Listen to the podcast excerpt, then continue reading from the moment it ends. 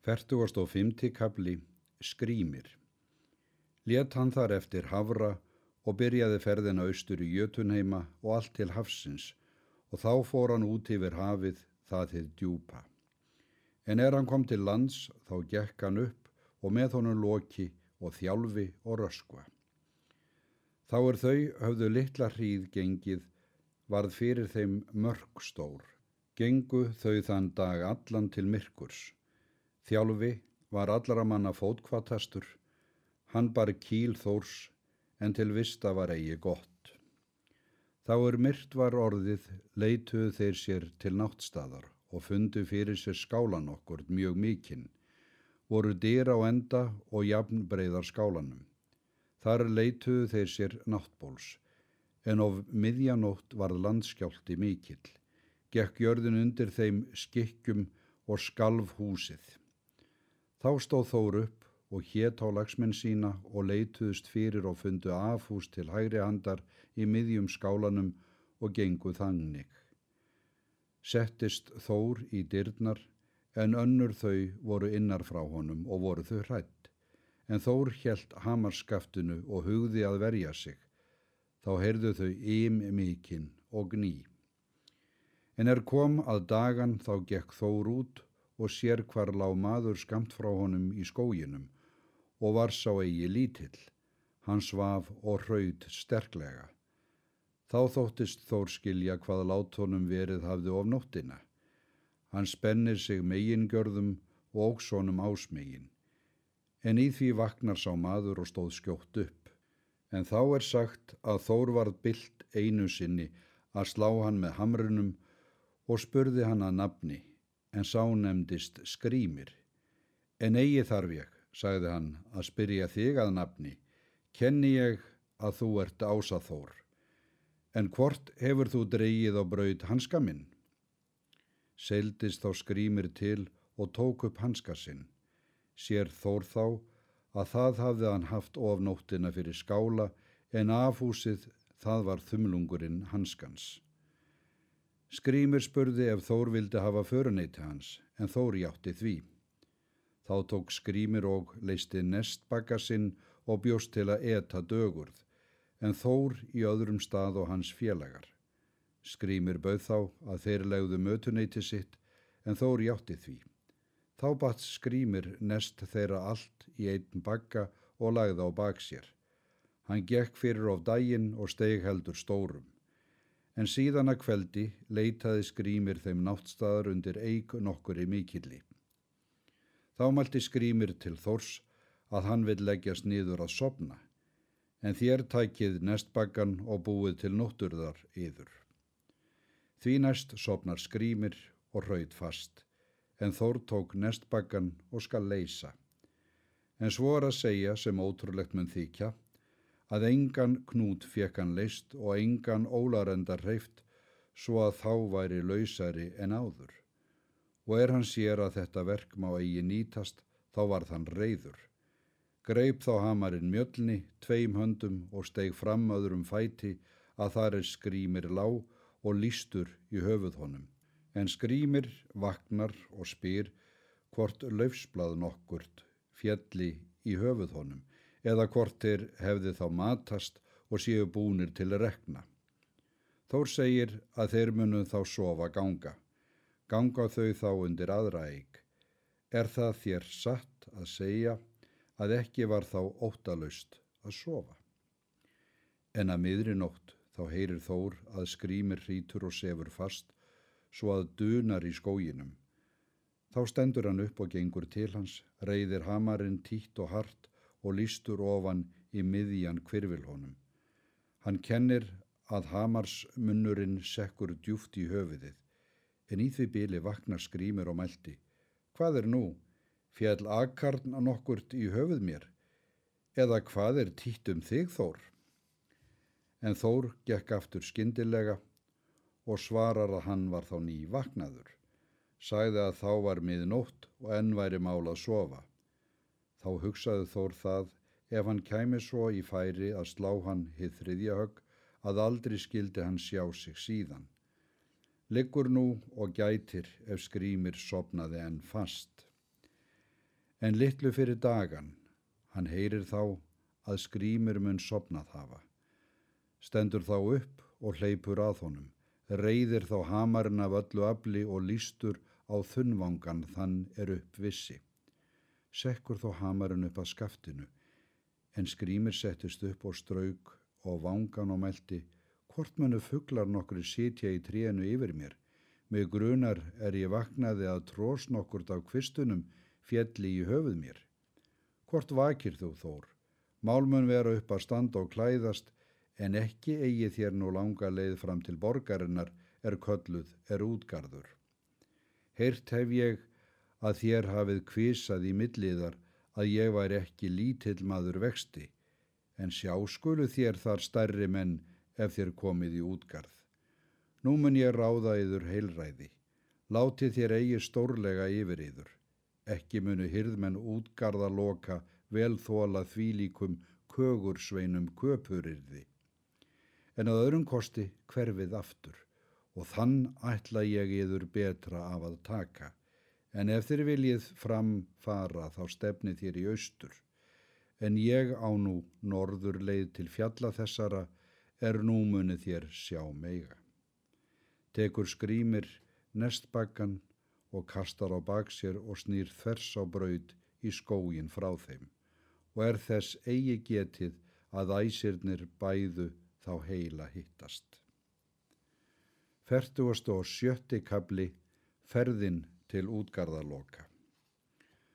Þór fór fram á leið og þeir félagar og gekk fram til miðstags. Þá sáu þeir borgstanda á völlum nokkrum og settu nakkan á bak sér aftur áðunin þeir fengu séð yfir upp. Ganga til borgarinnar og var grind fyrir borgliðinu og lokin aftur. Þór gekk á grindina og fekk eigi upp lokið. En er þeir þreyttu að komast í borgina þá smugu þeir milli spalana og komu svo inn sáu þá höllmikla og gengu þannig. Var hurðin opinn, þá gengu þeir inn og sáu þar marga menn á tvo bekki og flesta ærið stóra. Þvínast koma þeir fyrir konungin útgarðaloka og kvöttu hann. En hann leitt seint til þeirra og glotti við tönn og mælti. Seint er um langan veg að spyrja tíðinda. Eða er annan veg en ég hygga þessi sveinstöili sé ökuþór, en meiri myndu vera en mér líst þú. Eða hvað íþrótta er það er þér félagar þykist vera við búnir? Engin skal hér vera með oss sá er eigi kunni nokkur skonar list eða kunnandi umfram flesta menn. Þá segir sá er síðaskekk er loki hétt. Kann ég þá íþrótt er ég er albúin að reyna að engin er hér sá inni er skjótara skal ég etta matsinn en ég. Þá svarar útgarðalóki, Íþrótt er það ef þú efnir og freysta skal þá þessarar íþróttar. Kallaði utar á bekkin að sá er logi heitir skal ganga á gólfram og freysta sín í móti loka. Þá var tekið trógeitt og borðin á hallargólfið og fyllt af slátri settist loki að öðrum enda en logi að öðrum og átt hvort tveggi sem tíðast og mættust í miðju tróginu. Hafði þá loki etið slátur allt af beinum en logi hafði og etið slátur allt og beinin með og svo trógið og síndist nú öllum sem loki hefði látið leikin. Þá spyr útgarðaloki hvað sá hinn ungi maður kunni leika. En þjálfi segir að hann mun freysta að renna skeið nokkur við einhver þann er útgarðaloki fær til. Hann segir útgarðaloki að þetta er góð íþrótt og kallar þess meiri vonað hann sé vel að sér búin of skjótleikin ef hann skal þessa íþrótt inna, en þó lætur hann skjótt þessa skulu freysta. Stendur þá upp útgarðaloki og gengur út og var þar gott skeið að renna eftir sléttum velli. Þá kallar útgarðaloki til sin sveinstöila nokkur er nefndur er hugi og bað hann renna í köpp við þjálfa. Þá taka þeir hið fyrsta skeið og er hugið því framar að hann snýst aftur í móti honum að skeiðis enda. Þá mælti útgarðalóki. Þurfa myndu þjálfi að leggja þig meir fram ef þú skalt vinna leikin. En þó er það satt að ekki hafa hér komið þeir menn er mér þykir fótkvatari en svo. Þá taka þeir aftur annað skeið og þá er hugir komin til skeiðsenda og hann snýst aftur, þá var langt kólskot til þjálfa. Þá mælti útgarðalóki. Vel þykir mér þjálfverðarna skeiðið en eigi trúi honum nú að hann vinni leikin, en ungmun reyna er þeir renna heið þriðja skeiðið. Þá taka þeir enn skeið en er hugir komin til skeiðsenda og snýst aftur og er þjálfi eigi þá komin á mitt skeiðið. Þá segja allir að reyndir um þennan leik. Þá spyr útgarðalokið Þór hvað þeirra íþróttamun vera er hann muni vilja byrta fyrir þeim, svo mikla sögur sem menn hafa gjört um stórvirkja hans. Þá mælti Þór að helst vill hann taka það til að þreita drikju við einhvert mann. Útgarðalokki segir að það má vel vera og gengur inn í höllina og kallar skutilsvein sinn, byður að hann taki vítishorð það er hirðmenn eru vanir að drekka af. Því næst kemur fram skutilsveit með horninu og fær þór í hönd. Þá mælti útgarðalóki. Af horni þessu þykir þá vel drukkið ef í einum drikk gengur af, en sumir menn drekka af í tveim drikkjum, en engin er svo lítill drikkjumadur að eigi gangi af í þremur. Þóru lítur á hornið og sínist ekki mikið og er þó heldur langt en hann er mjög þyrstur, tekur að drekka og svelgur all stórum og hyggur að eigi skal þurfa að lúta oftar að sinni í hornið. En er hann þraut erindið og hann laud úr horninu og sér hvað leið driknum og líst honu svo sem all lítill munur mun vera að nú sé lægra í horninu en áður. Þá mælti útgarðalokki, vel er drukkið og eigi til mikið, eigi mundag trúa ef mér væri sagt frá að ásáþór mynd eigi meiri drikk drekka, en þó veit ég að þú mynd vilja drekka af í öðrum drikk.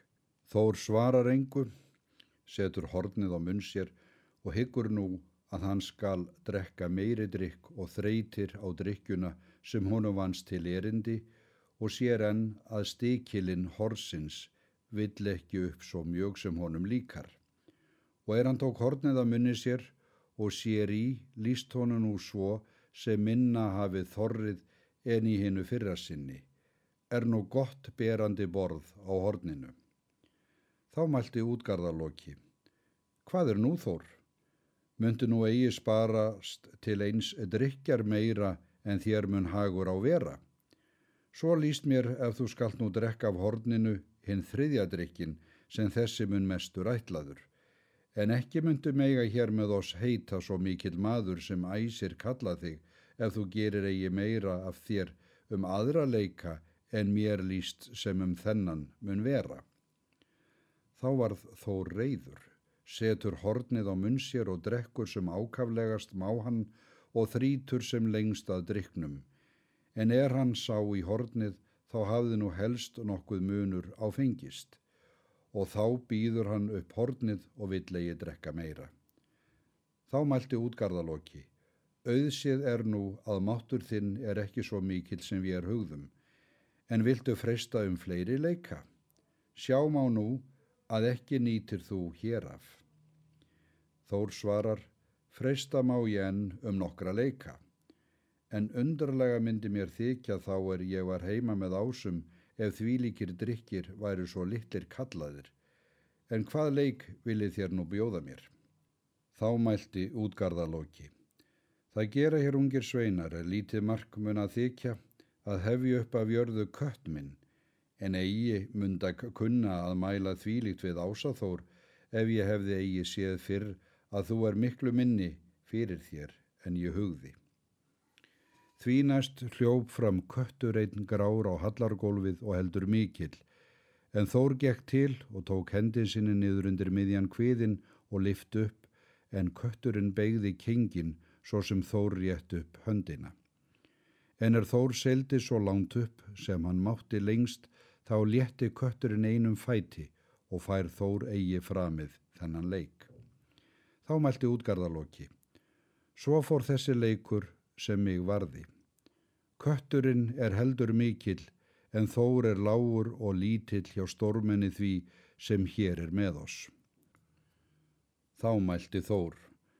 Svo lítinn sem þér kalli mig, þá gangi nú til einhver og fáist við mig. Nú er ég reyður.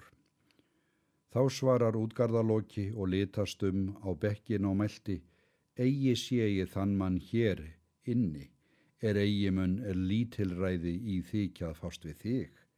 Og enn, mælti hann, sjáum fyrst, kalli mér hingað kerlinguna fósturu mína, elli, og fáist þór við hana ef hann vill. Felt hefur hún þá menn er mér hafa litist eigi ósterklegri en þórir. Því næst gekk í höllina kerling einn gömul. Þá mælti útgarðaloki að hún skal taka fang við ásaþór. Ekki er langt um að gera. Svo fór fang það að því harðara er þór knúðist að fanginu því fastara stóð hún. Þá tók kerling að leita til bragða og var þór þá laus á fótum og voru þær sviftingar all harðar og eigi lengi áður en þór fjell á knið öðrum fæti.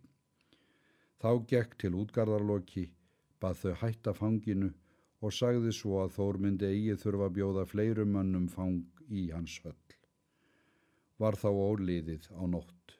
Vísaði útgarðaloki, þór og þeim félögun til sætis og dveljast þar nátt langt í góðum fagnaði.